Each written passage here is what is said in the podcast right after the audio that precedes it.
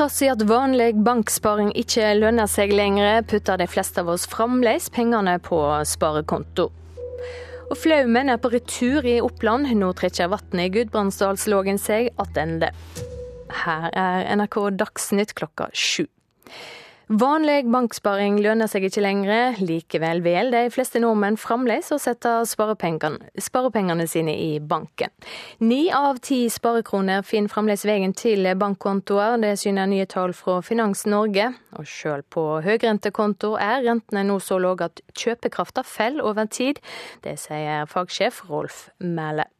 Når renta nå har falt så mye som den har gjort, og rentenivået er så lavt, så sier det seg selv at hvis du da eh, trekker fra skatt på, på renteinntekter, tar hensyn til prisstigninga i samfunnet, og kanskje til og med tar hensyn til at du betaler formuesskatt, så vil nok mange nå komme ut um, på minussida når det gjelder eh, banksparing. Rolf Mæhle i Finans Norge mener man bør tenke på å sikre at pengene blir minst like mye verdt som i dag, i framtida også. Og Det er derfor vi da sier at det kan være lurt nå å, å se seg om etter alternative spareformer for å sørge for at kjøpekraften da minst er intakt den dagen du skal ta ut uh, pengene.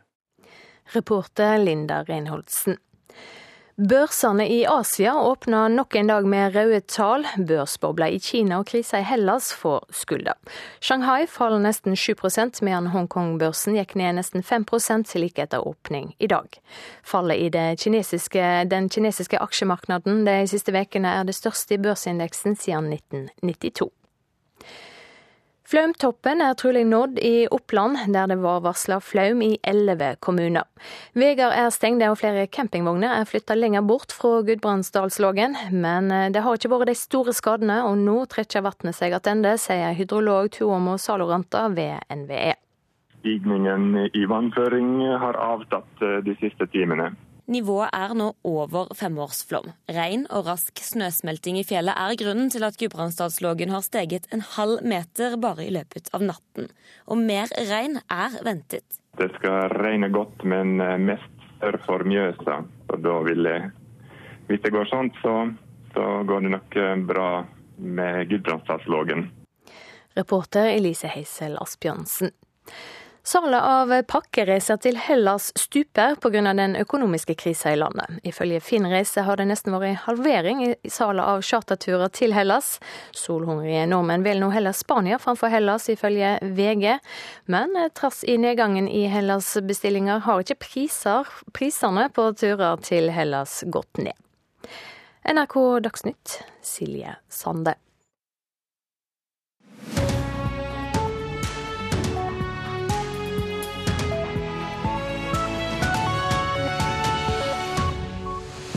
Her ønsker Øystein Heggen deg velkommen til Nyhetsmorgen, som fortsetter med disse sakene.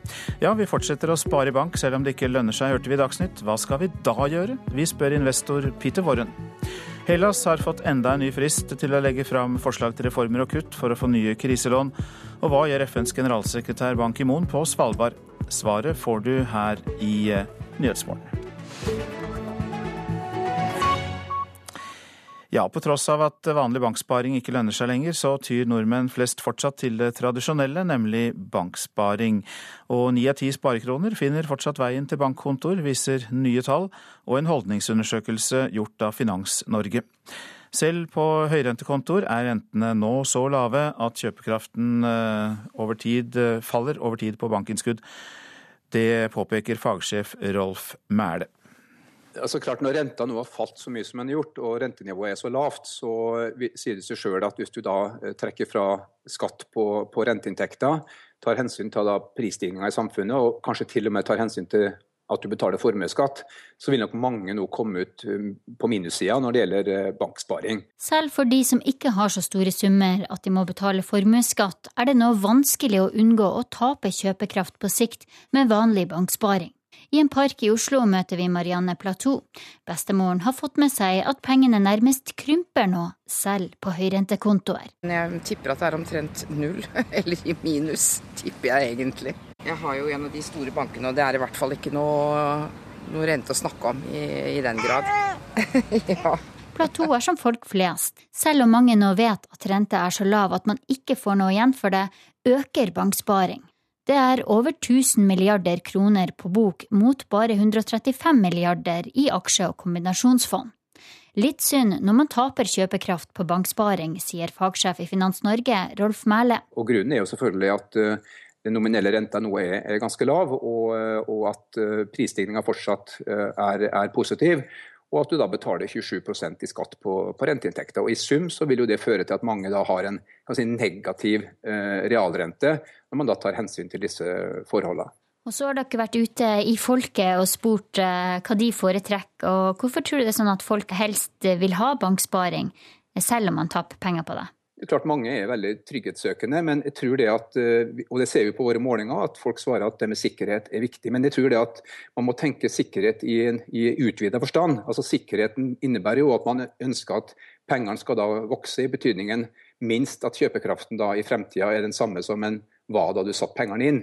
Så med andre ord, når prisene på brød, melk og leiligheter og andre ting stiger, får man mindre for 1000 kroner om noen år enn hva man får i dag. Rolf Mæhle i Finans Norge mener man bør tenke på å sikre at pengene blir minst like mye verdt som i dag, i framtida også. Ja, så Hvis du har muligheten til å, å sette pengene over tid, så er jo nedbetaling av lån et, et bedre sparealternativ enn, enn å spare på tradisjonell bankkonto så er det jo slik at det kan være selvfølgelig viktig at du har en buffer til å, eh, til å takle uforutsette utgifter. Den må jo være på plass eh, uansett. Og Ønsker du å forsøke å oppnå enda høyere avkastning, så kan du da som sagt eh, bevege det inn på et aksjefond eller flere aksjefond gjennom f.eks. en månedlig spareavtale. Så Jeg har lurt litt på om jeg kanskje skal gjøre noe med det, men jeg vet ikke riktig hva. Jeg syns jeg har fått dårlige råd før, så jeg er litt engstelig for å ja, gjøre noen gale grep. Marianne Platou med sitt 15 måneders gamle barnebarn i et park i Oslo er altså skeptisk til alternative investeringsråd fra bankene. Det blir nok en liten sparekonto fra farmor òg, tror du ikke det, Filip? Gjør nok det. ja. Nå har han fått eh, sikkert ulovlig is av farmor, men det var i hvert fall lettis uten sukker. Og det var Linda Reinholdsen som eh, var ute og snakket med de som fortsatt sparer på bankkonto. Investor Peter Warren, riktig god morgen. Du har fulgt aksje- og finansmarkedenes svingninger i mange år. og Hvilke alternativ har egentlig folk flest med litt penger til overs? Aksjefond, aksjer? Ja, altså Det er jo det myndighetene vil at man skal gjøre. Altså Renten har jo blitt satt lavere og lavere, ikke bare i Norge, men over hele verden. Og noen steder er det negativ rente. altså Du må rett og slett betale for å ha pengene i banken. Og det har man gjort for å forsøke å tvinge investorene, sparerne, til å ta mer risiko. Så det er myndighetene som presser deg til, til, til, å ta risiko. Og det vil de gjerne at du skal gjøre i aksjemarkedet, slik at veldig mange gjør det. Altså mange putter pengene sine i aksjemarkedet, men det vi må huske på med det, er at aksjemarkedet er langt mer risikabelt enn å ha pengene i en norsk bank. Eh, slik at du, du løper en helt annen risiko på pengene dine når du først gjør det. Hvis vi da ikke er villige til å ta de svingningene aksjemarkedet fører med seg, har vi noen alternativer da?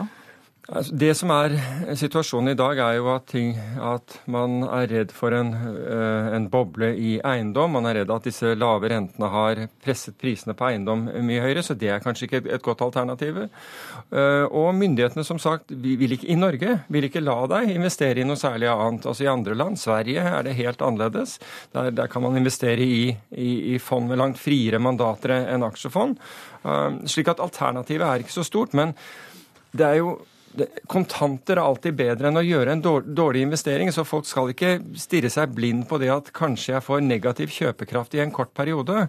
Det er, det er helt akseptabelt å ha, ha det. Altså, det spiller egentlig ingen rolle hvis man er redd for pengene. Mm. Det som betyr noe, er hvor lang tidshorisont du, eh, du tør å ha på investeringene dine. Hvis du investerer for, som nettopp hørte, eh, noen som har for et barn så, så, ikke, så, så, kan man godt investere og ikke være redd for å putte pengene i aksjer, fordi man har lang tidshorisont. Hvis man er i pensjonsalder, så skal man kanskje ikke ta pengene, alle pengene sine ut av sparekonto og putte de i risikable eh, investeringer. Det var noe spennende du var inne på der, nemlig det svenskene har lov til. Fond med friere mandat. Hva er det? Vel, Aksjefond er nødt til å sitte i aksjemarkedet til enhver tid.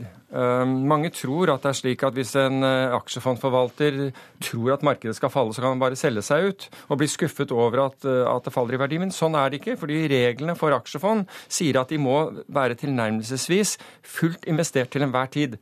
Så man har ikke mulighet til å regulere eh, farten i det hele tatt. Eller veldig, veldig lite. I andre land så har man fond. Man har også noen slike fond i Norge, men det er nesten umulig for privatpersoner å investere i. Så har man fond som kan ta foten av gassen, kan trykke på bremsen og til og med tjene penger når, eh, hvis et marked faller. Hvorfor er, får vi ikke lov til å investere, altså privatpersoner, i slike mer fleksible fond? da?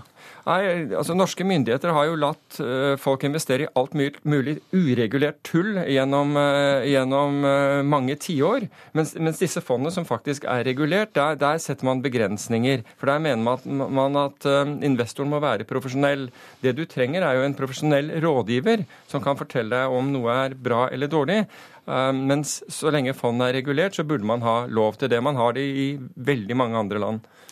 Og du som profesjonell investor er kanskje inne i disse fondene med et eh, friere mandat? Jeg er inne i slike fond med, med friere mandat, og jeg sitter jo også i, i, styret til legater og stiftelser som også har denne type fond. og Det er rett og slett for vi ønsker lav risiko. Vi ønsker ikke år hvor vi, vi taper penger, rett og slett, så vi er mer forsiktige. Hjertelig takk for at du kom investor Peter Warren for å opplyse oss om eh, dette.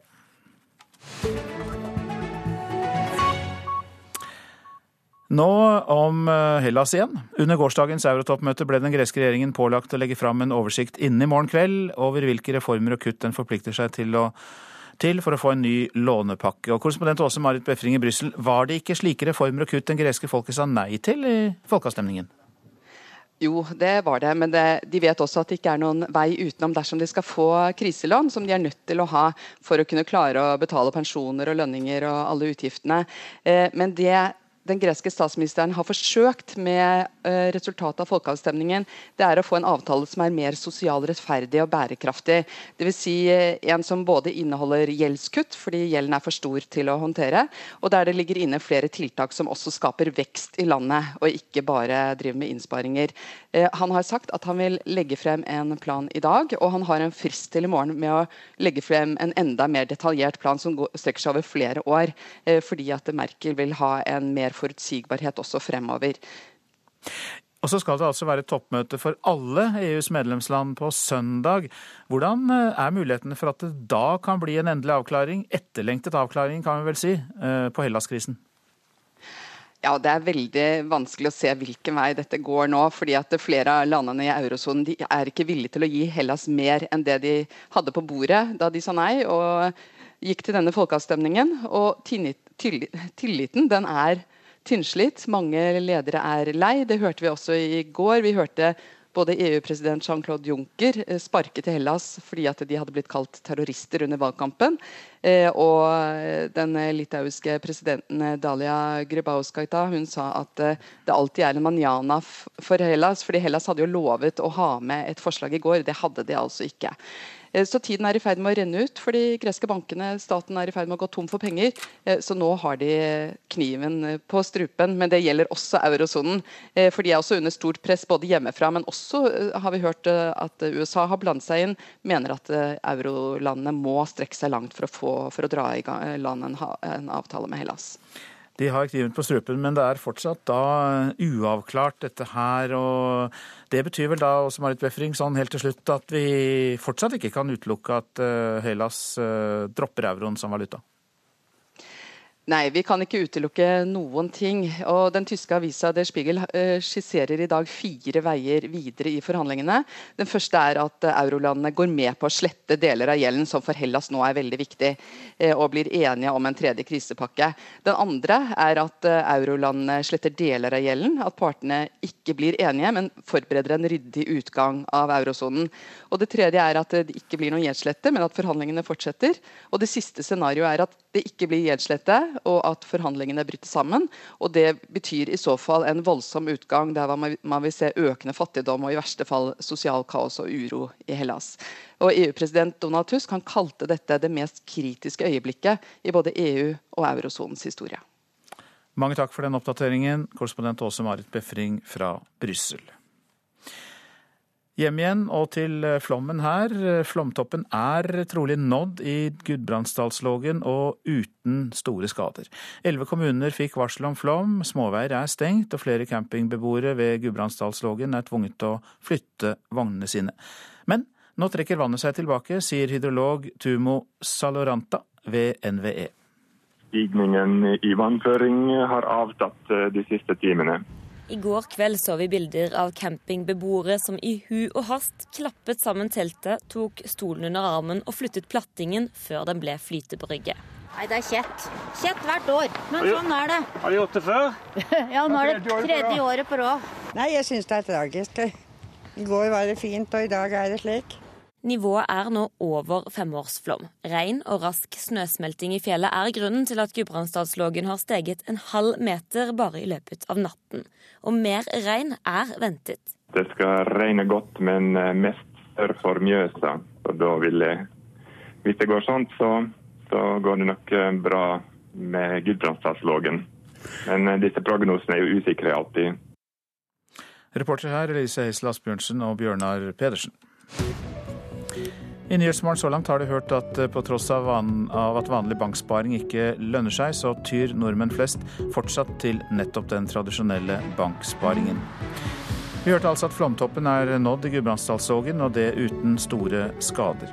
Og vi skal eh, høre om en ny medisin som kan beskytte mot hiv-viruset, men som ikke brukes i Norge. Først om FNs generalsekretær Ban Ki-moon, som er på Svalbard i dag. og Det er et ledd i forberedelsene til klimatoppmøtet i Paris i desember. Vår reporter er også med, Eivind Molde, om bord på Det norske polarinstitutts forskningsskip Lanse utenfor kysten av Svalbard. Og hvorfor velger da Ban Ki-moon å dra nettopp dit? Det er jo ingen andre steder i verden der klimaendringene er like synlige som i Arktis. Målingene viser jo eh, at sommerisen i Polhavet eh, har minska kraftig siden målingene starta. Og den globale oppvarminga skjer, skjer raskere her enn ellers. Og Da er jo Svalbard en ideell plass å dra for å bli oppdatert på det siste innenfor forskninga. Og det er akkurat det Ban Ki-moon vil, og han vil også se endringene med sine egne øyne. Og det er da ikke første gang heller at Ban Ki-moon er på Svalbard? Det er det ikke. Han eh, var her også i 2009. Eh, eh, To-tre måneder før det store klimatoppmøtet i København. For så vidt av akkurat samme grunn som nå, for å bli oppdatert. Denne gangen i år så er det jo et stort møte i Paris som det er stilt store forventninger til. Og som du sa i innledningen, så er denne turen hit en del av Ban Ki-moons forberedelse til dette møtet. Han vil møte forskerne. Han vil bli oppdatert, og han vil se ting sjøl. Og han vil også mest sannsynlig komme med en budskap her, en oppfordring til politiske ledere i verden om handling. Ja, han blir oppdatert, sier du, sier du, men er det noen ja, polare opplevelser han kan ta med seg hjem, Bankimon? Ja, det vil jeg jo tro at han skal få i dag, og for så vidt allerede har hatt. Vi reiste 2030 i går fra Longyearbyen og har reist med båt til Ny-Ålesund og er utenfor Ny-Ålesund nå. Han har sovet i lugar på båten her i natt. Han har fått sett utover havet og fjordene her og et flott landskap. Og Vi skal være på, i området rundt Kongsfjorden fram til 12.30. Han skal ut i småbåt. Han skal inn på en isbre som heter Blomstrandbreen og gå på den et stykke. Dette var faktisk en halvøy, står oppført som en halvøy på kartet, men er blitt til ei øy fordi at isen har smelta i de senere år. Skal også møte forskere. Han skal senere gå i land i Ny-Ålesund og ha lunsj med Børge Brende i Amundsen-villaen. Og så skal han avslutte dagen i Longyearbyen opp på satellittstasjonen Svalsat. Og så reiser han klokka 19 tilbake til Oslo og New York etter 23 timer i Arktis. Da vet vi det, Eivind Molde, takk skal du ha, at FNs generalsekretær Ban Ki-moon skal gå på isbre på Svalbard i dag. Nå om at den serbiske statsministeren skal delta på minnemarkeringen for ofrene i Srebrenica-massakren. Flere enn 8000 muslimske gutter og menn ble drept av serbiske soldater 11.07.1995.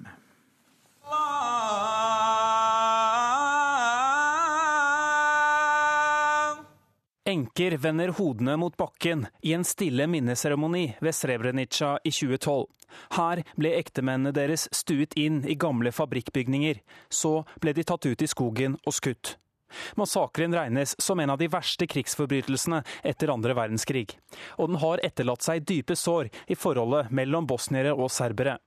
Nå håper serbiske politikere på mer forsoning. Statsminister Aleksandar Vucic sier nå at han vil delta på 20-årsmarkeringen for massakren 11.7, melder nyhetsbyrået AFP. Reporter eh, Haldor Asvald. I London er det ventet kaos på T-banenettet i dag. Nesten alle 20 000 ansatte i undergrunnen går ut i streik. Fagforeningene er bl.a. kritiske til planene om at T-banen skal gå om natten også i helgene, og, i helgene, og britiske medier skriver at streiken kan bli den verste i London siden 2002. Så til eh, avisene. Kina-krakket skremmer, kan vi lese i Finansavisen. Det kraftige fallet i aksjemarkedet i verdens nest største økonomi fører til at investorene selger unna. Noen av dem velger foreløpig å ha verdiene sine i kontanter. Og det blir mer om denne saken i eh, Dagsnytt 7.30. Yaras tidligere toppsjef Torleif Enger pekes ut som den øverste kommandanten i korrupsjonssaken, skriver Dagens Næringsliv. Det er en svært uriktig dom, basert på spekulasjoner. Det sier Engers advokat Ellen Holager Andenes. Det er for lett å utnytte systemet og snyte på Nav. Det mener én av tre spurte i en spørreundersøkelse gjort av Ipsos MMI for Dagbladet. Simen Markussen ved Frisch-senteret for samfunnsøkonomisk forskning sier at noen av de som mottar støtte fra Nav, sikkert kunne jobbet mer. Bråstopp for grønn kraftverksatsing er oppslaget i Bergenstidene. Rekordlave strømpriser har ført til at markedet nærmest har brutt sammen, og 400 konsesjoner for småkraftverk står ubrukt. Selv om markedet koker og prisene på hytter ved sjøen har økt nesten 12% det siste året, så er det mulig å oppnå, en, oppnå, drømmen, skriver VG. Det er fortsatt mulig å finne en hytte ved sjøen til under to millioner kroner. Når man er alvorlig syk, er ventetiden en enorm påkjenning, sier kreftrammede Anne Grimstad til Aftenposten.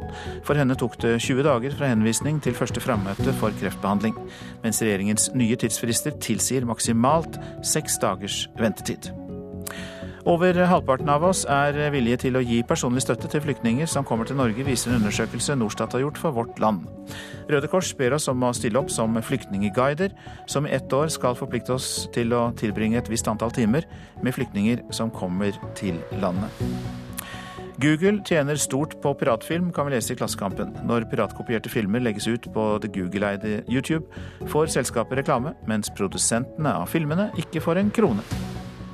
Fruktavlingene i Hardanger lider under det kalde været, skriver Nasjonen. Mange steder i fruktbygdene på Vestlandet er avlingene halvert, med hundretusener i tap for bøndene.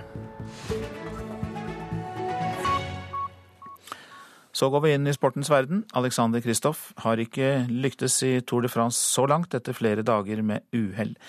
Men dagens etappe kan være en mulighet, mener NRKs sykkelekspert Dag Erik Pedersen.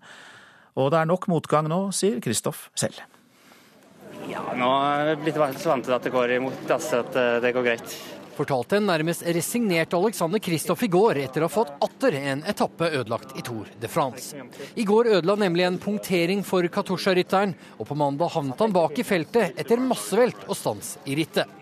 NRKs sykkelekspert Dag Erik Pedersen mener Kristoff har én stor utfordring. Og Det er å komme i gang med Tour de France. Han må komme inn i løpet og begynne å kjøre for etappeseiere. Og allerede dagens etappe kan være en fin mulighet for Alexander Kristoff dersom Katusha klarer å holde feltet samla. Håper at vi kan eh, få til eh, noe mer enn vi har gjort de siste dagene.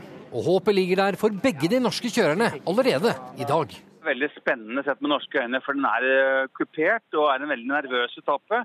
Jeg tror både Alexander Kristoff og ikke minst Edvard Baasen Hagen, som ble nummer fem i går, har muligheten til å revansjere seg. For nå virker det på meg som om de norske har fått tak i Tour de France og at de er på plass. Ja, det føltes i hvert fall bra. Og jeg føler meg relativt sterk, så da er det godt å være med foran her. Så får vi se. Det sa i hvert fall Alexander Kristoff til reporter Thomas Lerdal. For uh, halvannen uke siden var det fest i Oslos gater under Oslo Pride, men uh, alvorlige temaer var også å se. For på banneret så sto det 'Vi vil ha prep'. Og det er eh, en forebyggende medisin mot uh, hiv-viruset. Og uh, den når man har sex uten kondom. 26 år gamle Andreas Breivik er en av dem som gjerne vil nyte sin sex uten hiv-frykt. Det er fryktelig lett å liksom sette seg på en sånn moralsk høy hest liksom Fy, ikke, dette er ikke noe vi skal bruke pengene våre på. Fordi homsene må liksom bare besinne seg og liksom bruke den der fuckings kondomen og ikke være så vanskelig. Men ja, jeg tror det Ja, det funker jo ikke, da. Nei, tydeligvis ikke. For hiv-tallene i Norge øker drastisk. På ti år har antall hiv-positive i Norge tredoblet seg, viser tall fra Folkehelseinstituttet. Størst økning er det blant menn som har sex med menn. Siden 80-tallet har hiv-viruset møtt mange fordommer. Bare hør på dette. Lekeforskninga har ennå ikke kunnet finne boteråd for en sykdom som er et resultat av at menneske lever i utakt med Guds lov. PREP-medisinen til Norge vil bety mindre angst for hiv-smitte og dermed større sexnytelse, tror Andreas Breivik. Det er en sånn reell frykt da, som jeg tror egentlig mange liksom går og kjenner på veldig ofte. At oh, kanskje jeg fikk kanskje, Nå var jeg dum som ikke brukte kondom i den situasjonen. Liksom, nå må jeg gå og, og teste meg. I hvert fall så merker jo jeg det selv når jeg sitter her på legekontoret etterpå, så er jeg jo sånn full av angst. Men hva er egentlig PREP? Det er fristende å sammenligne den med p-piller. Den tas hver dag og beskytter mot en uønsket konsekvens av sex uten prevensjon. Den største forskjellen er at mens p-piller beskytter mot graviditet, beskytter PREP-pillen mot hiv-viruset. Og PREP brukes flittig i USA, men Det er ikke tilgjengelig i Norge pga. at det ikke er eh, godkjent eh, i EU eh, for bruk som PREP. Medisinfirmaet Gilead som eier Truvada, som er piller som man bruker til PREP, har heller ikke søkt om en endra eh, markedstillatelse eller en endra bruk av Truvada. Det forteller Leif Ove Hansen, styreleder i Hiv Norge. Truvada, som pillen egentlig heter, brukes allerede i behandling av hiv-positive i Norge. Men ikke som forebyggende medisin mot hiv-viruset. Men man kan jo spørre seg Hvorfor kan man ikke bare bruke kondom? Man må gjerne ønske seg eh, at alle har et sexliv der eh, folk bruker kondom eh, kontinuerlig, folk tester seg etter hver sexpartner de har hatt. Folk går ikke inn i seksuelle risikosituasjoner. Men sånn er det jo ikke. Så da tenker jeg at hvis man da ser at man har eh, et verktøy som PREP er, tilgjengelig, så vil jo det gjøre at man ville unngått alle eh, de hiv-infeksjonene som ellers kommer bare pga. at folk rett og slett tar noen dårlige valg. Og forskning på PREP viser gode resultater, forteller overlege ved Statens legemiddelverk, Sigurd Hortemo. De som tok medisin, de reduserte risikoen for å bli smittet med ca. 85% Men det er veldig viktig å understreke at denne forebyggende medisinen gir ikke full beskyttelse. Og Andreas Breivik mener heller ikke at PREP skal erstatte kondombruken. PREP kan være et ekstra hjelpemiddel og kanskje også et bedre verktøy mot eh, hiv-smitte. Eh, jeg tror, tror, det gir en sånn økt eh, trygghet. Da slipper man liksom å gå rundt og være redd for å bli smitta hele tiden. Denne reportasjen var laget av Kaja Staude Michaelsen. Tollfrie varer på flyplasser i Norge er ikke rimeligere enn om du velger å handle om bord på charterflyene. Det viser en undersøkelse som Dagbladet har gjort. På norske flyplasser er det det tyske selskapet Heinemann som står for det tollfrie salget, mens eh, prisene hos selskaper som Airshopper og Holiday Taxfree, som selger varer på charterflyene, eh, de er ifølge avisa lavere, både på et utvalg alkoholholdige varer og parfymeartikler. Hun er ambisiøs og vil tredoble bystyregruppa for partiet sitt etter valget. Fra én til tre, da. Vi har nemlig vært i Bodø og hentet vårt politiske sommerintervju der til eh, kvart på åtte i dag. Og familier i Mumbai i India mister en viktig inntekt, for landets høyesterett sier nei til hestevogner som frakter turister. Hør mer om det i reportasjen etter Dagsnytt.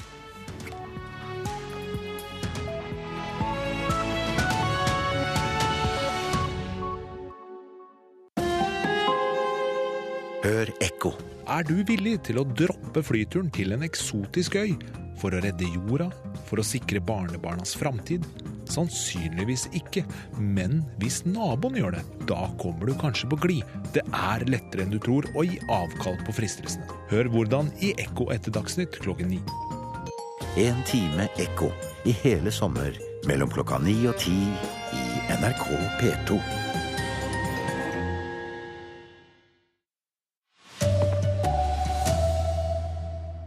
Børsene i Asia stuper. Verdens investorer frykter hva det kan føre til. De fleste av oss putter fremdeles sparepengene i banken, selv om pengene nærmest krymper på høyrentekontoen. Og Innsamlingskontroll ber folk om å være forsiktige med hvem de gir penger til. Useriøse hjelpeorganisasjoner tar mesteparten sjøl. God morgen, her er NRK Dagsnytt klokka 7.30. Det er nær panikk i den kinesiske aksjemarkedet. Fire av ti aksjer er nå tatt ut av handelen i frykt for kollaps. Over hele Asia har børsfallet i natt vært usedvanlig kraftig. Investor Peter Warren er svært uroa.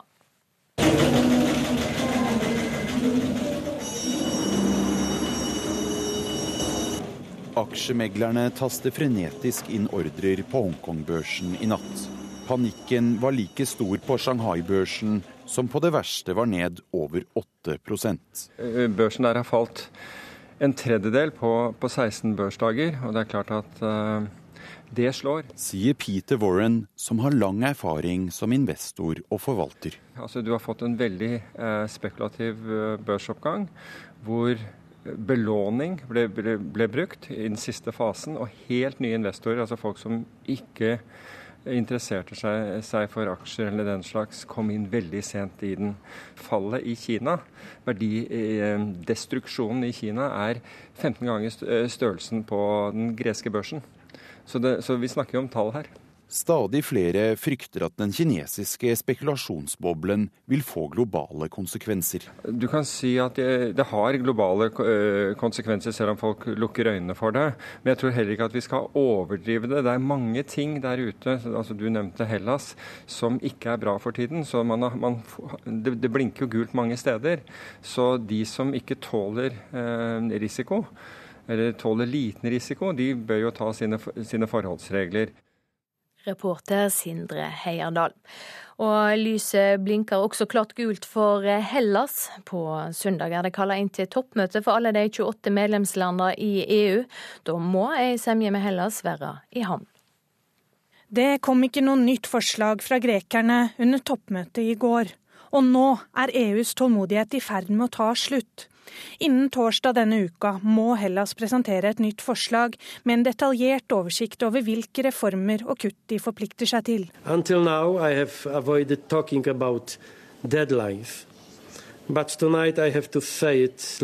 Til nå har jeg unngått å snakke om tidsfrister, men nå sier jeg det høyt og tydelig.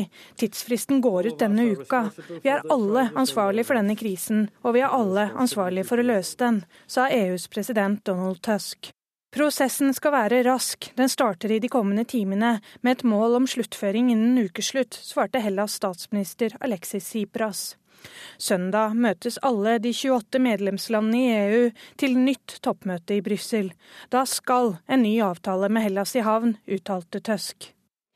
Reporter Silje Herbro Landsverk. Og den eh, internasjonale økonomien påvirker også oss her hjemme. Vanlig banksparing lønner seg ikke lenger. Likevel vil de fleste av oss fremdeles å sette sparepengene i banken. Ni av ti sparekroner finner fremdeles veien til bankkontoer, syner nye tall fra Finans Norge. Bestemor Marianne Platou har fått med seg at pengene nærmest krymper nå, sjøl på høyrentekonto. Jeg har jo en av de store bankene, og det er i hvert fall ikke noe noe rent å snakke om i, i den grad. ja. Er som folk flest. Selv om mange nå vet at renta er så lav at man ikke får noe igjen for det, øker banksparing. Det er over 1000 milliarder kroner på bok mot bare 135 milliarder i aksje- og kombinasjonsfond.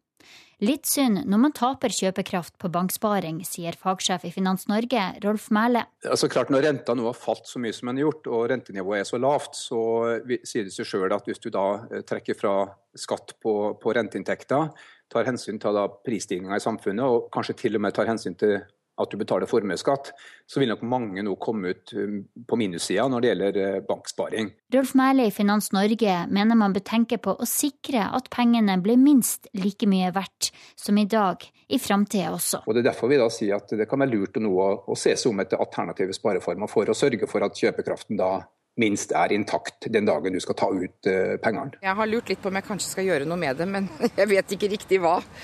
Jeg syns jeg har fått dårlige råd før, så jeg er litt uh, engstelig for å ja, gjøre noen gale grep. Reporter Linda Reinholdsen.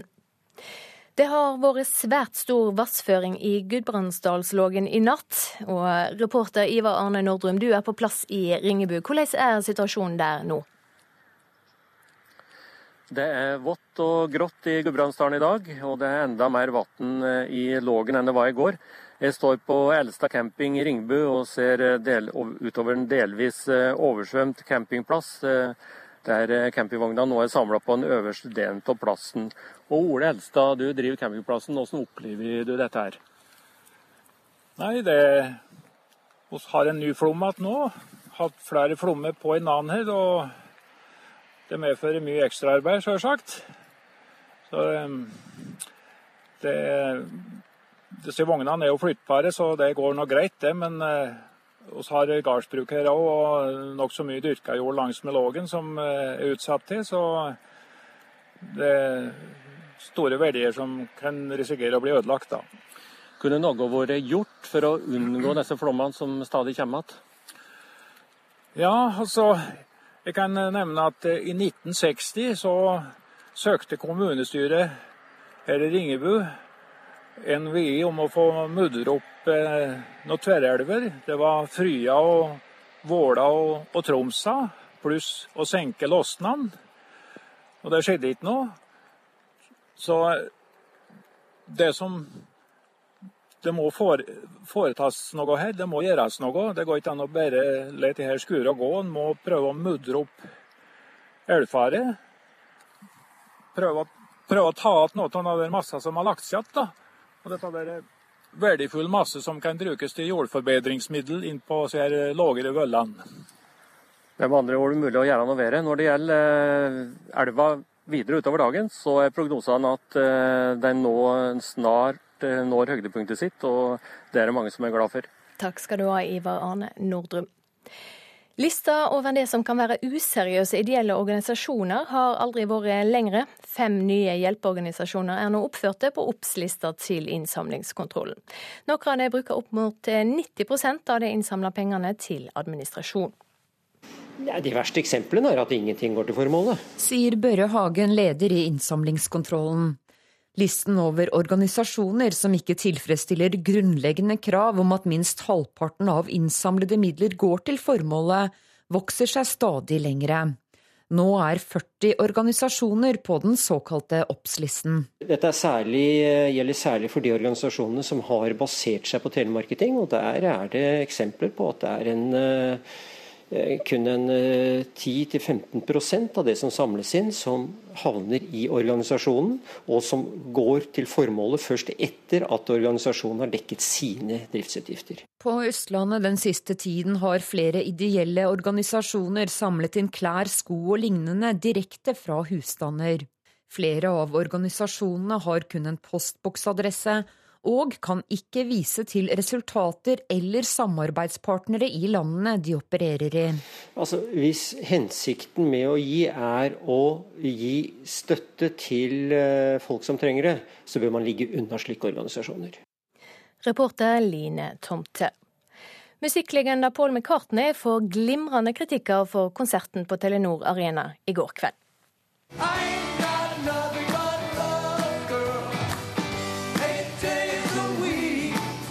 Unge og gamle som tente lys foran scenen når popgeniet Paul McCartney sparker i gang med en låt som er hele 50 år gammel.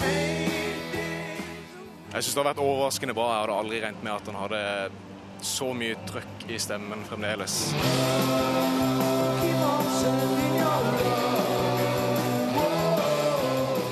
Et maraton for menigheten, skriver NRKs anmelder Trine Andal og gir en femmer på terningen.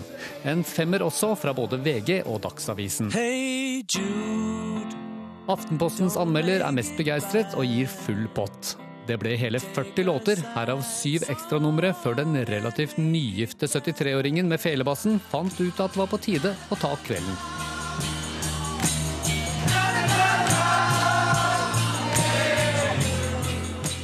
Reporter her Petter Sommer.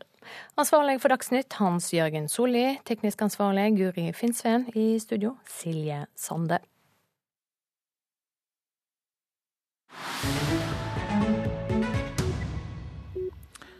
Dette er Nyhetsmorgen, og før vi sier noe mer, så må vi vel si at vi skal ha mer om McCartney-konserten etter klokka åtte i vår sending. Nå til India. Der har Høyesterett lagt ned forbud mot hestevogner som frakter turister, såkalt Victorias. Og det skal skje fra og med neste sommer. Det betyr vanskelige tider for de rundt 700 familiene som i dag lever av denne særegne turistnæringen i Indias mest folkerike by, Mumbai.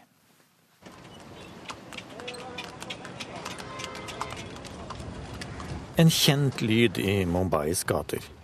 Hestevogner, eller såkalte Victorias, kjører rundt med turister. Men innen ett år er det slutt. Bruk av hestevogner kun til fornøyelsesturer for mennesker skal unngås, heter det i en uttalelse fra indisk høyesterett. Og de har gitt dyrevernerne rett i at hestenes ve og vel ikke blir ivaretatt. they also cause numerous uh, traffic accidents uh, when cars uh, either hit them. Um, and, and, they died, they suffered, and uh, they also cause injury and even death to people too. So this uh, victory is, is, a, is a very uh, important one, both for the horses as well as the people of Mumbai. Dette er en viktig seier både for hestene og innbyggerne i Mumbai, sier Purva Yosumpura ved den indiske dyrevernorganisasjonen PETA. Men for de rundt 700 familiene som lever av å kjøre turistene rundt med sine hester, oppleves det som alt annet enn en seier. På en god dag kan en kusk tjene 3000 rupees, eller nesten 400 kroner, mens andre dager klarer de så vidt å dekke utgiftene til hesten.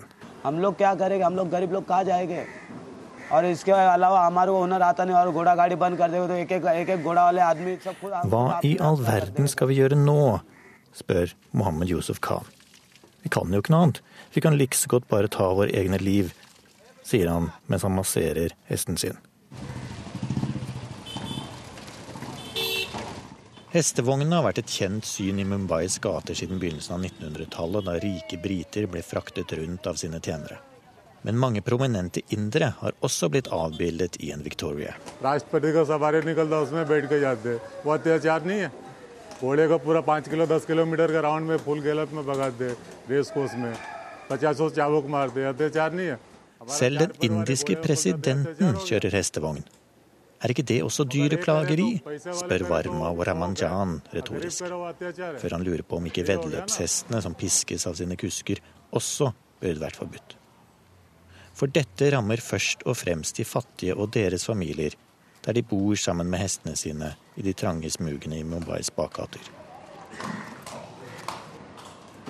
Vognene er lett gjenkjennelige med sine store hjul, men de indiske kuskene har satt sitt preg på de gamle britiske vognene.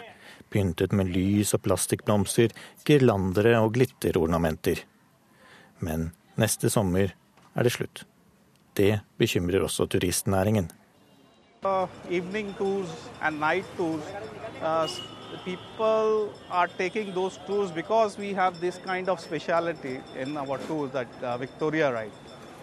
So, you know, this is one of the main reasons they are coming to us, and uh, definitely our sales will go down. Det sier Jatlin Gopal, en av turoperatørene som legger til rette for turistaktiviteter i Mumbai. Noen av kuskene har varslet at de vil kjempe mot høyesterettsavgjørelse, men trolig må de belage seg på å ri inn i solnedgangen med sine Victoria-vogner. Reportasjen var laget av Christian Aanensen. Dette er Nyhetsmorgen. Klokken passerte nettopp 7.44. Vi har disse hovedsakene. Det er nær panikk i det kinesiske aksjemarkedet. To av fem aksjer er tatt ut av handelen av frykt for kollaps. Over hele Asia har børsfallet i natt vært usedvanlig kraftig. På tross av at vanlig banksparing ikke lønner seg lenger, så tyr de fleste nordmenn fortsatt til den tradisjonelle banksparingen. Og vi skal høre mer om at useriøse ideelle organisasjoner bruker nesten alt av innsamlede midler på administrasjon.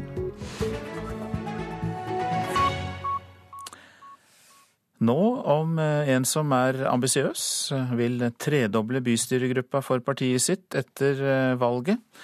Riktignok da fra én til tre. Vi skal til Bodø, som etter hennes oppfatning bør få et klart grønnskjær i stedet for rødt eller blått.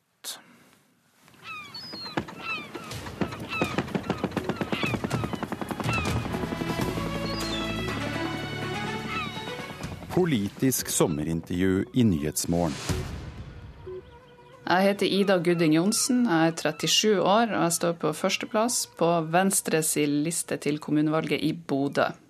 Bodø er en by i vekst. Altså, det er en enorm optimisme i Bodø. Vi vokser, det er store prosjekter på gang. Vi skal gå fra å være kampflyby til å bli en ny by, og det er virkelig en, eh, enorme muligheter for fremtida. Og så har vi et offisielt mål om at vi skal gå fra å være 50 000 innbyggere til å bli 70 000 innbyggere. Så eh, det er altså vekst som står i fokus i Bodø. For dem som ikke kjenner politikken i kommunen din, hvem er det som styrer i dag? I dag er det et borgerlig styre bestående av Høyre, Frp, Venstre, Kristelig Folkeparti og Senterpartiet. Altså det er en veldig eh, todelt eh, politikk i kommunen mellom rødt og blått. Og jeg mener jo at det hører til den gamle tid, og at vi nå må få et mye grønnere fokus og se fremover. For nå er det andre utfordringer som vi står overfor. Hvis du da får beholde makt, og får makt etter valget, hva er det viktigste du vil gjennomføre? Det viktigste for Venstre er å få på plass grønn vekst. Vi er nødt til å rigge oss for framtida, tiltrekke oss nye arbeidsplasser, nye næringer. Og da må vi satse på innovasjon og gründerskap. Og der har vi ikke vært gode nok hittil, så der har Venstre en stor jobb å gjøre. Eh, vi vet at både Arbeiderpartiet og Høyre står klar til å sette drillen i havet utenfor Lofoten og Vesterålen, og eh, de lefler med tanken om å få Bodø inn i oljealderen. Vi syns det er feil vei å gå. Vi må tenke nytt, gå fremover. Og så må vi satse på de fornybare løsningene. Men er det en utfordring at de arbeidsplassene som ikke er så grønne, de er veldig konkrete. De finnes mens de grønne arbeidsplassene du ønsker deg, de vet man ikke helt hvor skal komme? Ja, Det er en kjempestor utfordring, og det er nettopp der eh, Bodø kommune har en jobb å gjøre. Vi er nødt til å samarbeide aktivt med universitetet og med næringslivet. Og få på plass en eh, konkret politikk for å tiltrekke oss de folkene som skal klekke ut de nye jobbene. Vi må ha de kloke hodene i Bodø, og vi må gjøre det attraktivt å bosette seg der. Og lett å etablere seg der som gründer. Og så er det vel lett å stemme på partier som kan love deg sikker jobb i olja? Ja, selvfølgelig, og det er jo en utfordring. Og Venstre har jo ingen store verken fagbevegelser eller andre organisasjoner i ryggen. Så, men det gjør oss også friere til å se etter nye løsninger, for vi er ikke forplikta til det gamle. Men så kommer da spørsmålet om gjennomslag, og hva slags oppslutning ligger Venstre på i Bodø nå? Ja, Venstre har bare én person i bystyret, og vi ønsker å i hvert fall triple den, eh, den by, bystyregruppa. Eh, men det positive for oss er jo at vi ligger i sentrum, så vi kan påvirke politikken og dra den i grønnere retning, enten det blir et rødt eller et blått flertall. Eh, og den posisjonen akter vi å gjøre det beste ut av. Og vi ser jo hvor vi har lyktes nasjonalt med å påvirke i borgerlig regjering til å få en ambisiøs klimapolitikk og en liberal innvandringspolitikk. Så vi vet at vi kan gjøre mye ut ifra den situasjonen vi havna i. Men samtidig så må det jo være et dilemma å stå på stand og love mye, men vite at man har begrensa gjennomslag pga. størrelsen? Ja da, det er jo, Vi skulle selvfølgelig ha ønska at vi var større, men eh, for meg er det viktig å forvalte velgerne sin stemme godt. Og jeg skal love at de som stemmer Venstre, de skal få mest mulig igjen for stemmen. Og vår posisjon i sentrum av politikken gjør at det faktisk er mulig. Hva i partiprogrammet ditt er du uenig i? Ja, Det er et godt spørsmål. Altså, hadde det vært opp til meg, så hadde vi Venstre hatt i partiprogrammet sitt eh, at vi skal forlenge Nord-Norge-banen. I hvert fall opp til Tromsø. Der syns jeg vi er for lite ambisiøse. Og jernbanesatsinga har vært kjempegod i Venstre sine program, men vi må også tenke Nord-Norge når vi tenker bane. Ønsker du at kommunen din skal slå seg sammen med andre i neste periode? Jeg ser jo helt klart at det er viktig for Norge å få en ny kommunestruktur og få større og sterkere kommuner. Og vi, for Bodø sin del så er det absolutt aktuelt å slå seg sammen. For vi trenger, vi trenger store tyngdepunkt i Nord-Norge spesielt, og jeg tror at det er rett vei å gå Så lenge det også følger større oppgaver, mer midler og mer demokrati med en kommunereform. Er det lett for Bodø å si det som sentrum i regionen? Ja, helt klart. Så vi har jo helt, et helt annet utgangspunkt enn de omkringliggende kommunene. Og, eh, men vi skal, vi skal, åpne våre armer hvis de ønsker å, å, å, slå seg sammen med oss. Og så er det jo helt klart at vi må ivareta også distriktene sine interesser. Og det tror jeg det er gode muligheter for. Ønsker du søndagsåpne butikker i Bodø? Ja, Det er et godt spørsmål. Jeg er sjøl daglig leder for fire butikker, og jeg kommer til å stemme nei for søndagsåpne butikker hvis det blir et lokalt anliggende i Bodø. Hvorfor det? Kan ikke du tjene mer penger på å ha åpent på søndag? Nei, altså Samfunnet er ikke rigga for å ha åpent på søndag. Det går ikke engang busser på søndager i Bodø. Det skal vi selvfølgelig få gjort noe med. Men barnehagene er ikke åpne osv. Og, så og jeg tror at eh, vi har godt av en eh, felles fridag. Eh, jeg ønsker at det skal være stengt på søndagene, ikke for at dagen er hellig, men fordi den er fri. Hvordan stiller du deg til tiggeforbud? Ja, det er generelt skeptisk til forbud, og vi kan i hvert fall ikke forby folk å be om hjelp. Så det, det er jeg helt imot. Hvordan er det med tigging i Bodø, da? Nei, Det er absolutt eh, en del av bybildet. Det skulle bare mangle at ikke vi også ser eh, glimt av eh, den globale situasjonen og ulikhetene som finnes i Europa, også i Bodø. Så vi må prøve å legge til rette for at vi klarer å finne løsninger som som gjør at eh, ikke folk blir nødt til å eh, sitte på gata og tigge. For det, det er jo et symptom på noe som er mye større. God sommer og godt valg. Tusen takk for det. Det sa Ida Johnsen, Venstres førstekandidat i Bodø altså. Hun ble intervjuet av eh, Bjørn Myklebust. Listen over mulige useriøse ideelle organisasjoner har aldri vært lengre. Fem nye organisasjoner er ført opp på Obs-listen til innsamlingskontrollen, og noen bruker opptil 90% av innsamlede midler til administrasjon. De verste eksemplene er at ingenting går til formålet. Sier Børre Hagen, leder i innsamlingskontrollen. For ikke alle hjelpere i ideelle organisasjoner utfører gode gjerninger.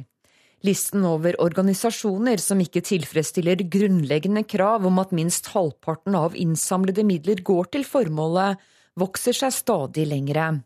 Nå er 40 organisasjoner på den såkalte OBS-listen. Dette særlig, gjelder særlig for de organisasjonene som har basert seg på telemarketing. og Der er det eksempler på at det er en Eh, kun en 10-15 eh, av det som samles inn, som havner i organisasjonen, og som går til formålet først etter at organisasjonen har dekket sine driftsutgifter. Nylig foretok Innsamlingskontrollen en undersøkelse som viser at et stort flertall har en klar forventning om at minst halvparten av beløpet de gir, faktisk går til det gode formålet.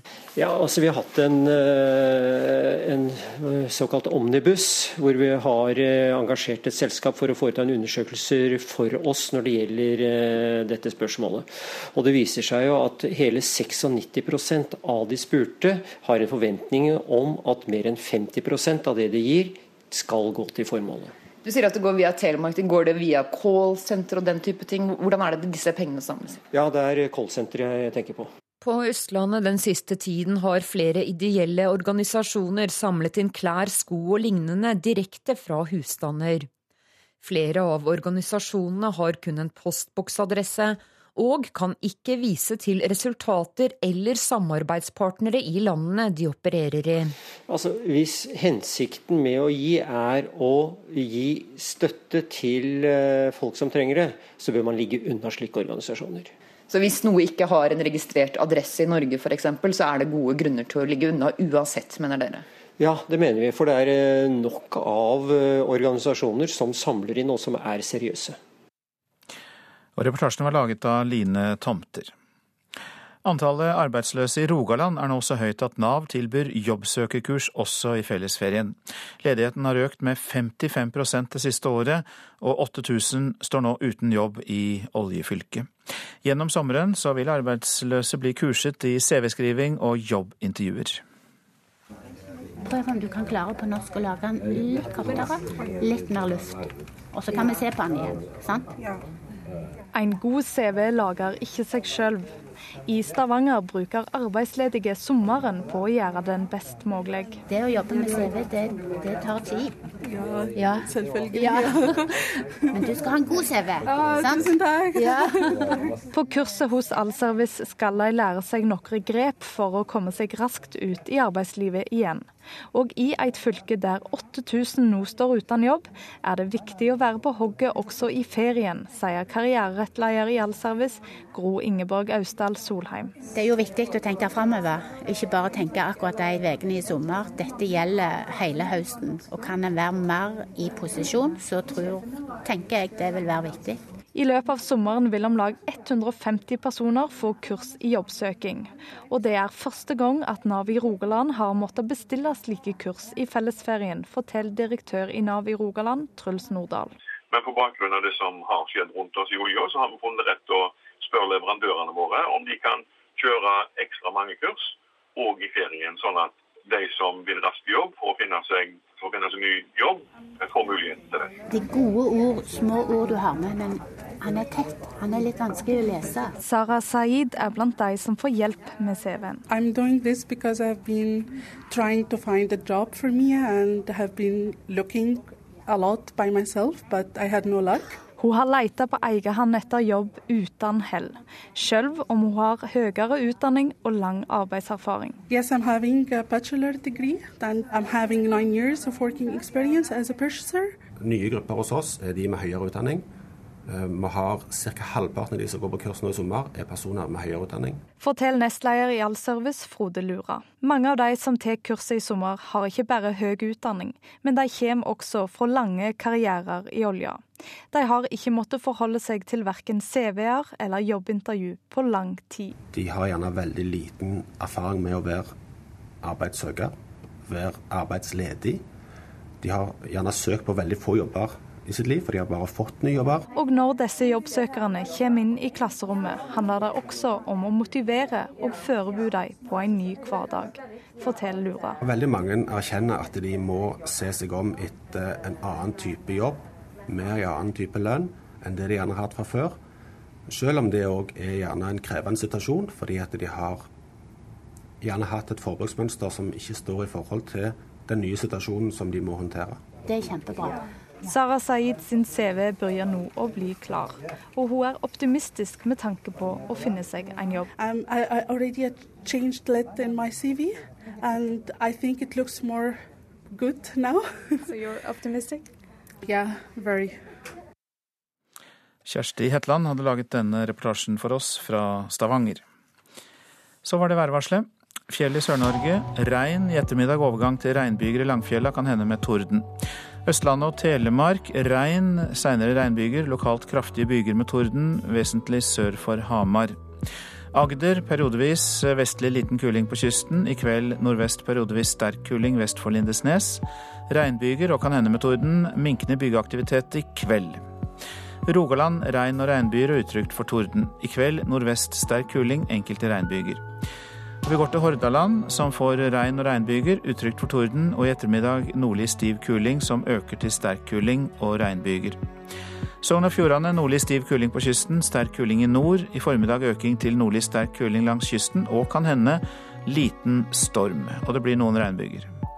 Møre og Romsdal og Trøndelag øking til nordøst, periodevis liten kuling på kysten, stiv kuling sør på Sunnmøre og spredte regnbyger. Nordland enkelte regnbyger, vesentlig da i indre strøk. Troms stort sett oppholdsvær. Fra i ettermiddag sørøst bris, seinere frisk bris lengst i nord, og enkelte regnbyger. Finnmark stort sett oppholdsvær og perioder med sol. Og Nordensjøland på Spitsbergen oppholdsvær. Også der kan det bli perioder med sol. Og temperaturer målt klokka sju. Svalbard lufthavn seks grader. Kirkenes og Vardø åtte. Alta ni.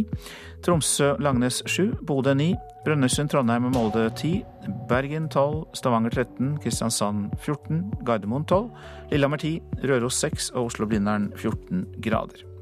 Du lytter altså til Nyhetsmorgen. Produsent i dag Eli Bjelland. Her i studio Øystein Heggen.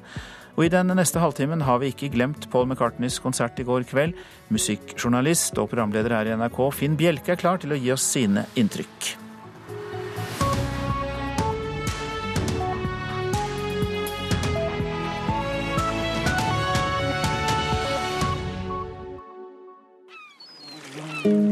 Sommer i P2. Jeg heter Stein Bie. Egentlig er jeg landbruksforsker. I Sommer i P2 i dag skal jeg fortelle litt om hvorfor det er viktig å plante 15 durrafrø i hvert hull i Nord-Sudan, og hvorfor det er uklokt å bruke ridehester på en grustennisbane. Sommer i P2. I dag klokken ti. Børsene i Asia stuper i dag. Det er uro blant storinvestorer verden over.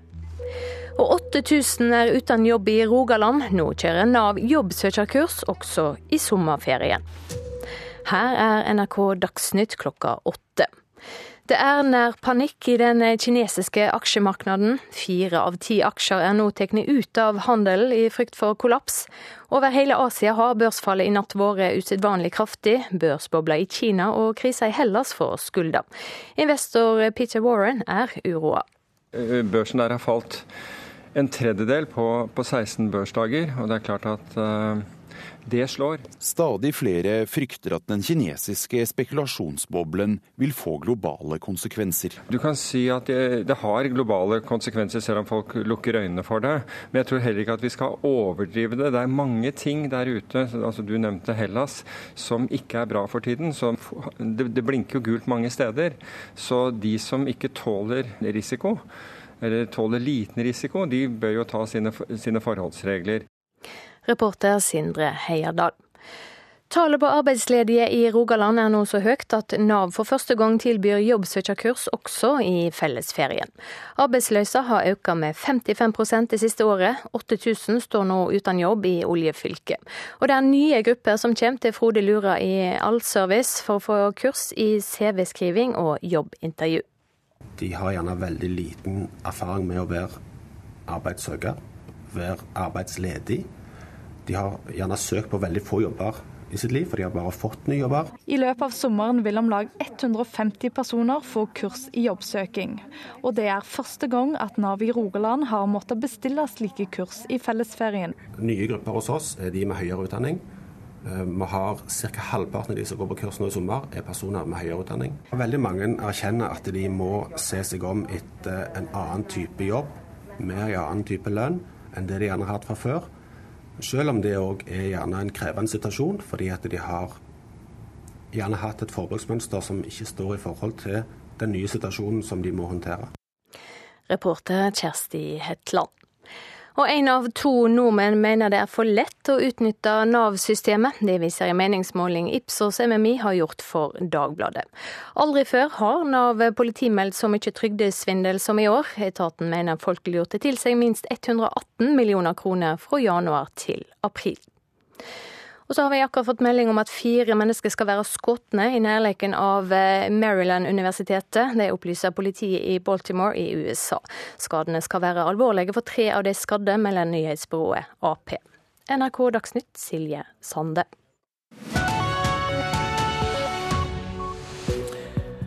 Og Nyhetsmorgen fortsetter. Det er ett år siden den siste Gaza-krigen. 100 000 palestinere er fortsatt hjemløse. Begeistring for Paul McCartney i går. Musikkjournalist Finn Bjelke forteller hvordan han opplevde konserten. Og det er mange billetter på svartebørs til Slåttfjellfestivalen i Tønsberg. Så populær er den. Men i dag er det ett år siden eh, de israelske militære satte i verk Operation Protective Edge etter rakettangrep fra Hamas, og dette tar oss ett år tilbake. Ja, Vi har hørt eh, drønn gjennom hele natten. Det virker som det er eh, mest bombing mellom klokken tre og klokken fem om morgenen i mørket. Nå er det rundt 90 palestinere som er blitt drept. Unicef melder at 19 av de drepte er barn. Dette fra en rapport du leverte omtrent på denne tiden i fjor, tidligere Midtøsten-korrespondent Sissel Wold. Velkommen hit. Og du er også her, Tiri Skarstein, medierådgiver i Flyktninghjelpen. Og først til deg. For nå-situasjonen? Hvordan er levekårene i Gaza nå et år etter? Krigen i Gaza førte til at mer enn 12 000 boliger ble totalskadd. Nå, ett år etter, så er ingen av disse boligene gjenoppbygd.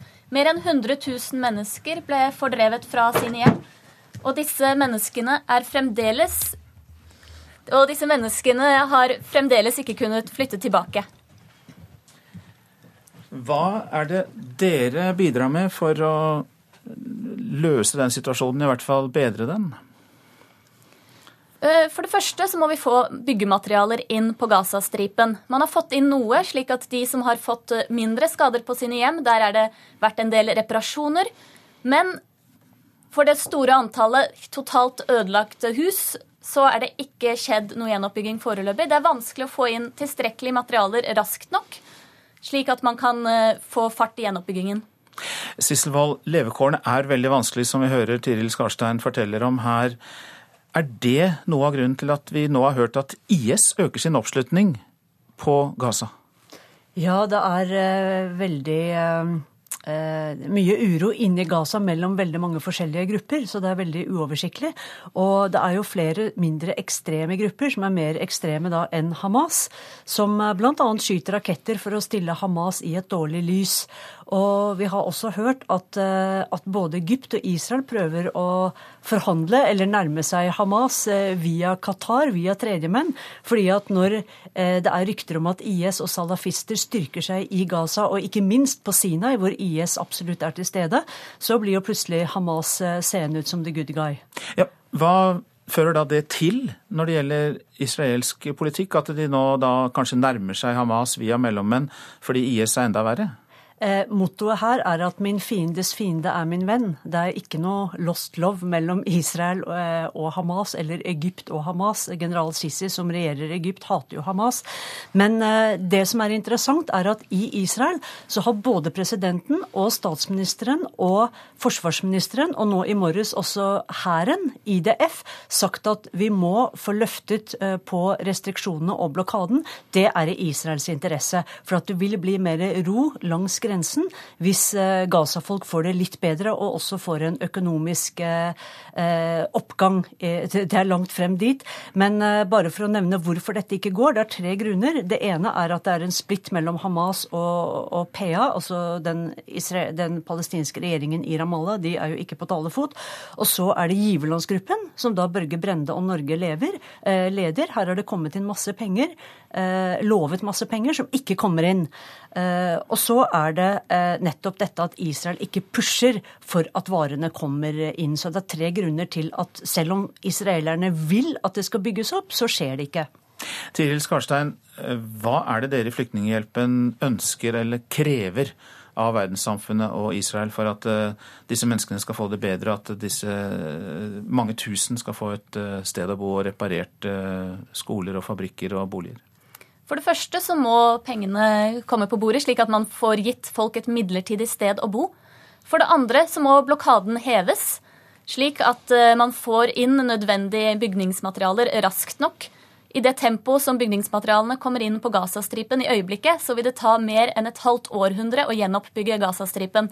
Og for det tredje må man få til en politisk dialog som sikrer at dette er slitt siste gang både israelerne og palestinerne må gjennomgå en slik krig. Ja, Det tragiske er jo at denne forrige krigen den ledet jo ikke til noen ting. Og det begge parter snakker om nå, det er neste krigen. Man forbereder seg til neste krigen. Men som Tiril sier, det er veldig vanskelig å få fortgang. Men hvorfor dette ikke skjer, er at ingen egentlig bryr seg om Gaza. Det er NGO-er, det er Ships to Gaza, men de har ingen makt. Det er ingen land, ingen stater i verden som bryr seg nok om Gaza til å presse den israelske regjeringen til å åpne opp mer, eller presse palestinerne til å samarbeide. Tiril Skarstein, er det noen lignende eksempler i verden i dag på et folk som lever med så begrenset eh, bevegelsesfrihet og under så vanskelige vilkår? Det er knapt, det er eh. knapt å finne, kanskje? Det er vanskelig for meg å ha oversikt over hele verden, men det vi vet, er jo at eh, Den internasjonale Røde Kors-komiteen har sagt at den bevegelsesfriheten som folk på Gaza opplever, det er ikke noe man kan tolerere. Takk skal dere ha begge to for at dere kom til eh, Nyhetsmorgen. Tiril Skarstein der, medierådgiver i Flyktninghjelpen og tidligere Midtøsten-korrespondent og utenriksmedarbeider her hos oss nå, Sissel Wold. Til tross for at eh, vanlig banksparing ikke lenger lønner seg, så velger de fleste nordmenn fremdeles å sette sparepengene i banken. Ni av ti sparekroner finner altså fortsatt veien til bankkonti, viser nye tall fra Finans-Norge. Og Marianne Platou har fått med seg at eh, pengene nærmest krymper nå, selv på høyrentekonto. Jeg har jo en av de store bankene, og det er i hvert fall ikke noe, noe rente å snakke om i, i den grad. ja. Platou er som folk flest. Selv om mange nå vet at renta er så lav at man ikke får noe igjen for det, øker banksparing. Det er over 1000 milliarder kroner på bok mot bare 135 milliarder i aksje- og kombinasjonsfond.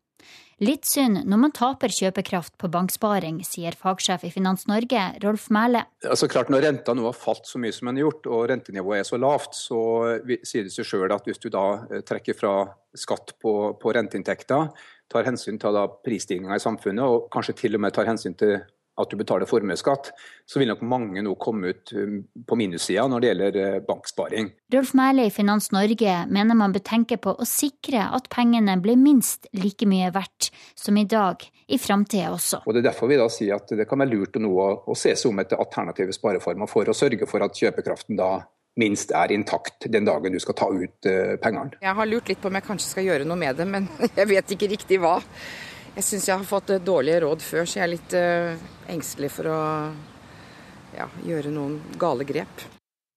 Reporter Linda Reinholdsen. Og vi har fått inn mer informasjon om det som ble nevnt i Dagsnytt. Tre personer er altså drept og én skadd etter en skyteepisode ved et universitet i Baltimore i den amerikanske delstaten Maryland. Ifølge avisa The Baltimore Sun skal to personer ha gått ut av to forskjellige kjøretøyer og begynte å skyte mot en gruppe mennesker som sto samlet utenfor universitetet. Og det er eh, foreløpig ikke kjent om eh, gjerningspersonene er pågrepet.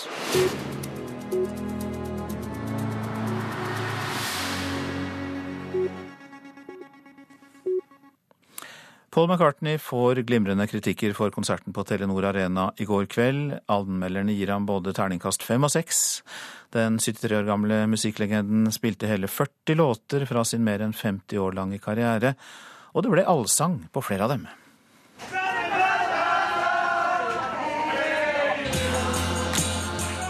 Publikummere i gledesrus på bussen fra konsert med det store idolet sitt, popgeniet Paul McCartney.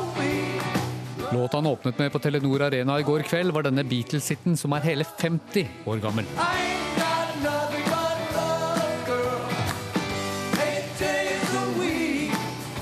Med 15 700 betalende publikummere var konserten helt utsolgt. Tross billettpriser på mellom 720 og 2000 kroner. Det var veldig bra, men eh, bortsett fra at det var, du fikk ikke komme liksom tett inn på scenen. Men hitsene kom på rad og rekke.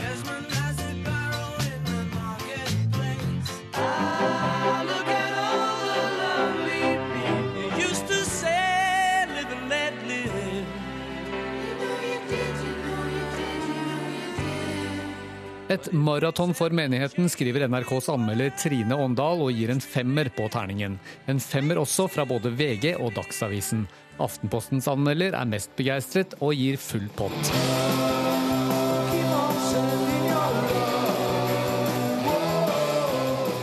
Det ble hele 40 låter, herav syv ekstranumre, før den relativt nygifte 73-åringen med felebassen fant ut at det var på tide å ta kvelden.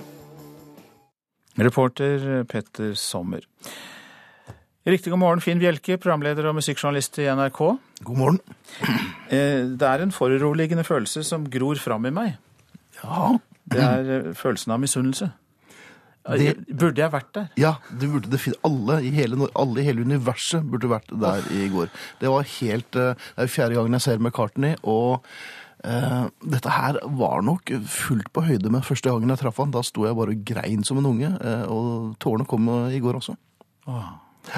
Det, var helt, nei, det var helt magisk. Jeg må innrømme at de, de første fire-fem låtene så sto jeg litt og observerte og tenkte det kan jo ikke stemme. Um, uh, og, og, det ble en distanse mellom, uh, syns jeg, Pål og salen før han ble ordentlig varm i trøya.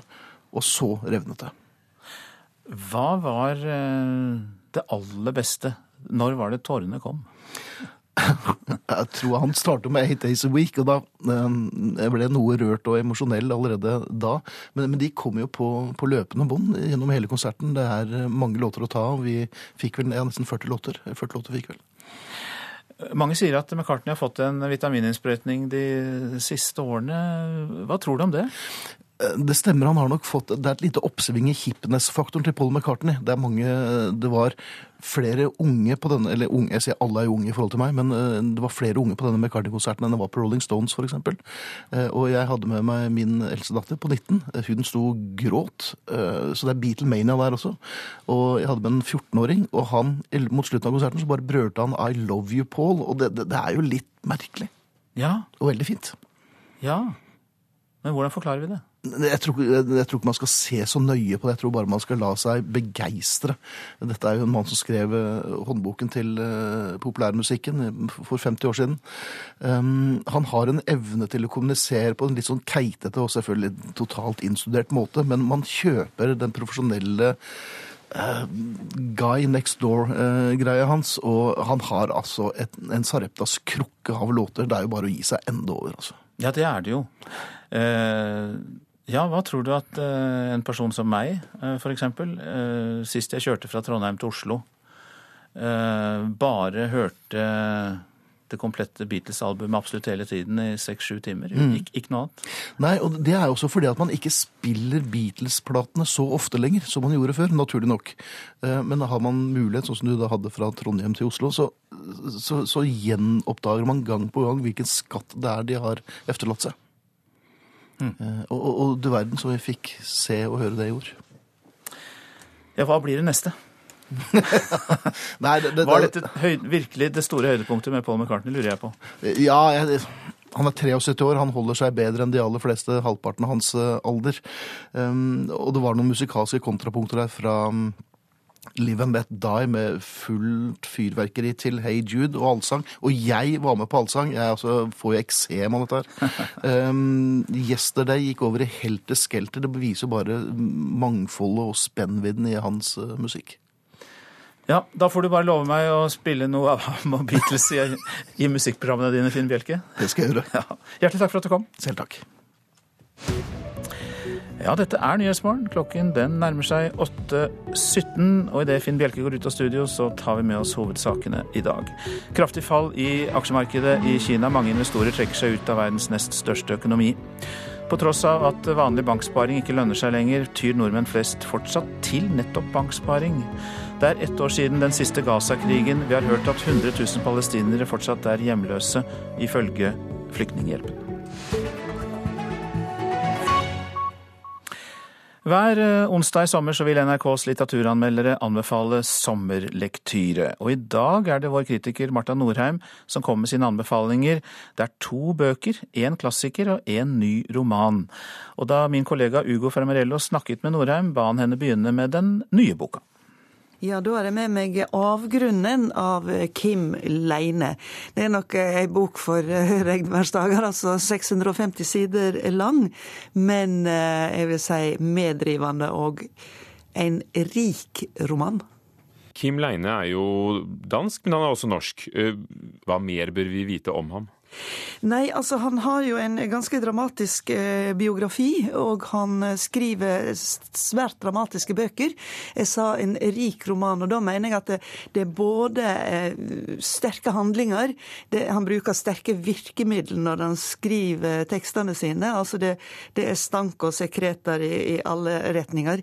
Eh, og han har i tillegg et eh, filosofisk nivå, vil jeg si, i bøkene sine, der han drøfter de største ting som kanskje altså menneskets vesen. Hva er det som gjør at vi får oss til å gjøre voldsomme og grufulle ting mot hverandre?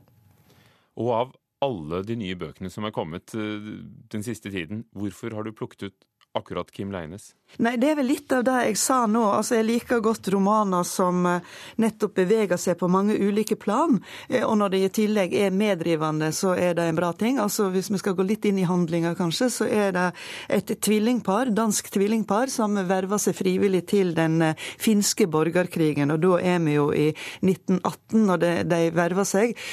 Til alles overrasking, iallfall for min del, så liker de seg fryktelig godt i krigen. Igjen. De føler at her får de virkelig brukt seg sjøl. Og, og, så får de desto større problem når de kommer tilbake igjen, for de trenger på en måte adrenalinkicket. De, de trenger hele tida å, å, sprenge grenser. Og de begynner litt sånn, iallfall den ene med mord litt på, på egen hånd. Det er jo noe annet enn å gjøre det i krig, selvsagt. Men også i krigen så ser en at det, noen av eh, drapene på fienden var gjort på en mer bestialsk måte enn strengt tatt nødvendig.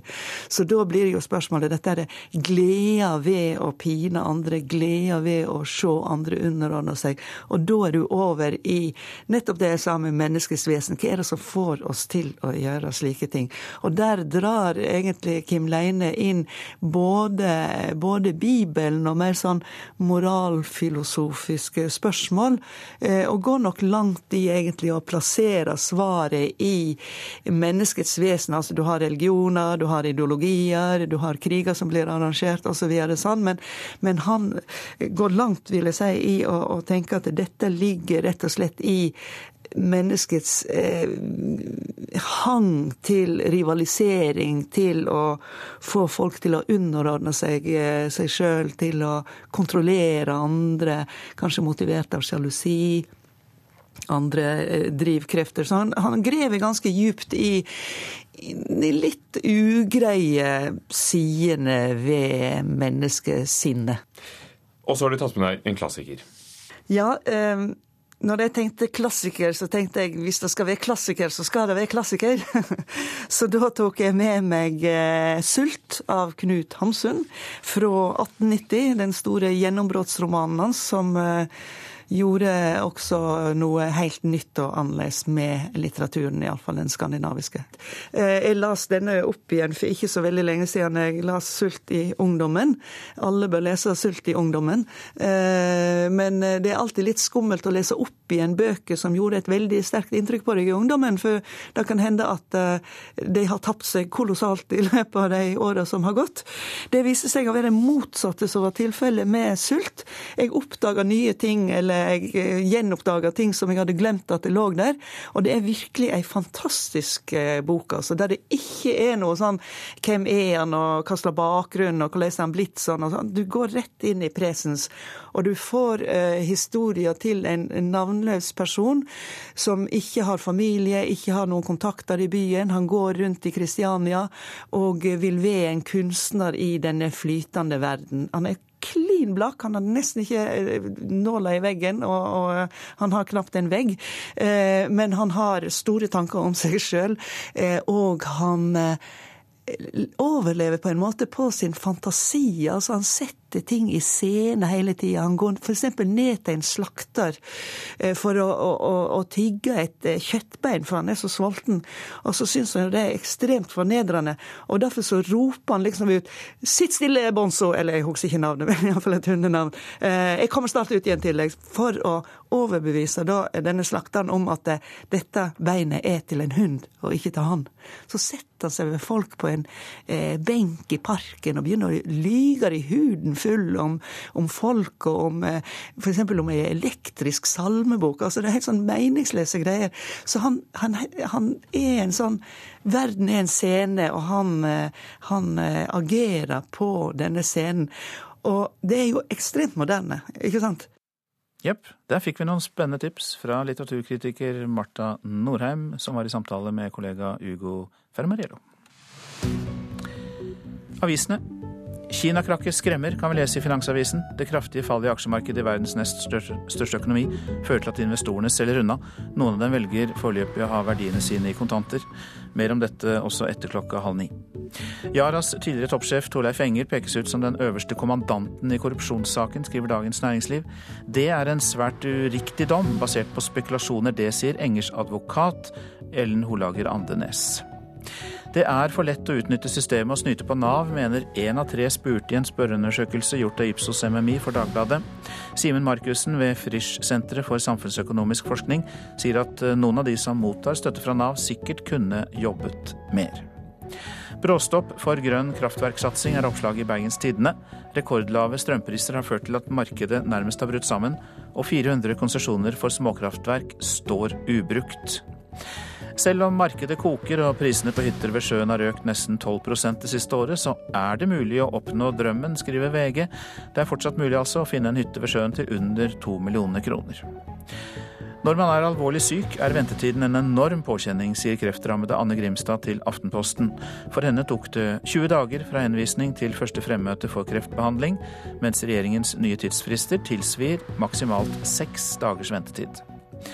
Over halvparten av oss er villige til å gi personlig støtte til flyktninger som kommer til Norge, viser en undersøkelse Norstat har gjort for Vårt Land.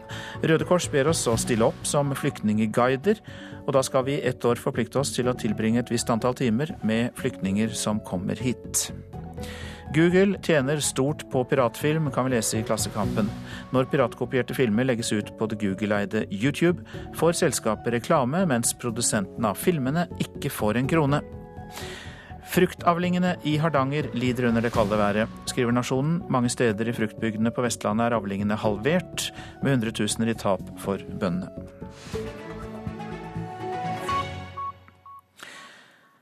Slottsfjellfestivalen i Tønsberg nå, den er utsolgt. Men på svartebørsen så kan du kjøpe billetter til over dobbelt så mye som originalpris. Og det er også falske billetter i omløp. Ellie Golding er en av headlinerne på Slottsfjell i år. Det er det mange som vil få med seg. Så mange at hele festivalen er utsolgt. Men er du villig til å punge ut, finnes det billetter. Adrian Innreiten var for sent ute og fant billetten sin på Finn. Han betalte til slutt 600 mer enn originalbillettene koster. Så da gikk jeg eh, på finn.no, da. Svarte på mange annonser der. Eh, det tok litt tid før jeg fikk noe ordentlig svar. Fikk svar fra flere etter hvert. Så var det noen som eh, bare pusha prisen mer og mer, da skulle ha mer. Men så var det en til slutt som da holdt avtalen, altså vi fikk ordentlig pris. Selv om det allikevel er dyrere enn ordinær pris. da. Festivalgjenger fra Oslo, Marianne Skøyen, fikk til slutt kjøpt billett for originalpris. Men det var mange som sendte meg melding, eh, og de ville ha opptil 3000 kroner. Pressekontakt for festivalen Siri Narverud Moen er klar over at billetter går på svartebørsen til høy pris. Synd uh, hvis det er noen få som uh, blir rett og slett lurt av at noen uh, vil tjene på at andre vil på konsert og festival.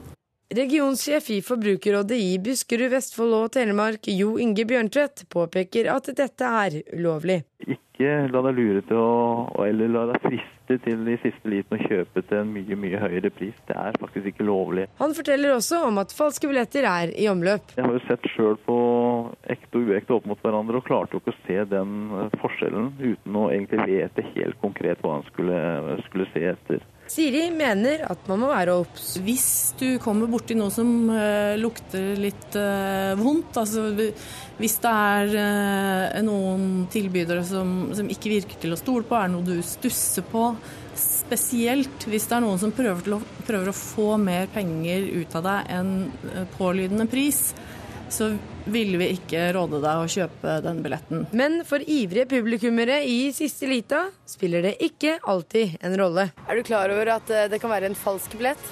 Eh, ja, jeg er klar over det. Det er en sjanse man må ta hvis man virkelig vil på kiosken. Reporter i Tønsberg var Marita Nilsen. Flomtoppen er trolig nådd i Oppland, der det var varslet flom i elleve kommuner. Veier er stengt og flere campingvogner er flyttet lenger bort fra Gudbrandsdalslågen. Men det har ikke vært de store skadene, og nå trekker vannet seg tilbake. Det sier hydrolog Tumo Saloranta ved NVE. Stigningen i vannføring har avtatt de siste timene. Nivået er nå over femårsflom. Regn og rask snøsmelting i fjellet er grunnen til at Gudbrandsdalslågen har steget en halv meter bare i løpet av natten. Og mer regn er ventet. Det skal regne godt, men eh, mest sør for Mjøsa. Og da vil jeg, hvis det går sånn, så, så går det nok eh, bra med Gudbrandsdalslågen. Reporter, det var Elise Heisel Asbjørnsen. Den eh, siste halvtimen i Nyhetsmorgen eh, etter Dagsnytt eh, kan du høre at vi ikke bør skyte hjorten for å bli kvitt flåtten. Hjorteblodet dreper nemlig de farlige borrelia-bakteriene flåtten bærer med seg. Og vi skal også høre at Norsk Kennelklubb er kommet i klammeri med Kina. De anbefaler nemlig norske hundeeiere å boikotte verdens største hundeutstilling, World Dog Show, fordi det skal arrangeres nettopp i Kina.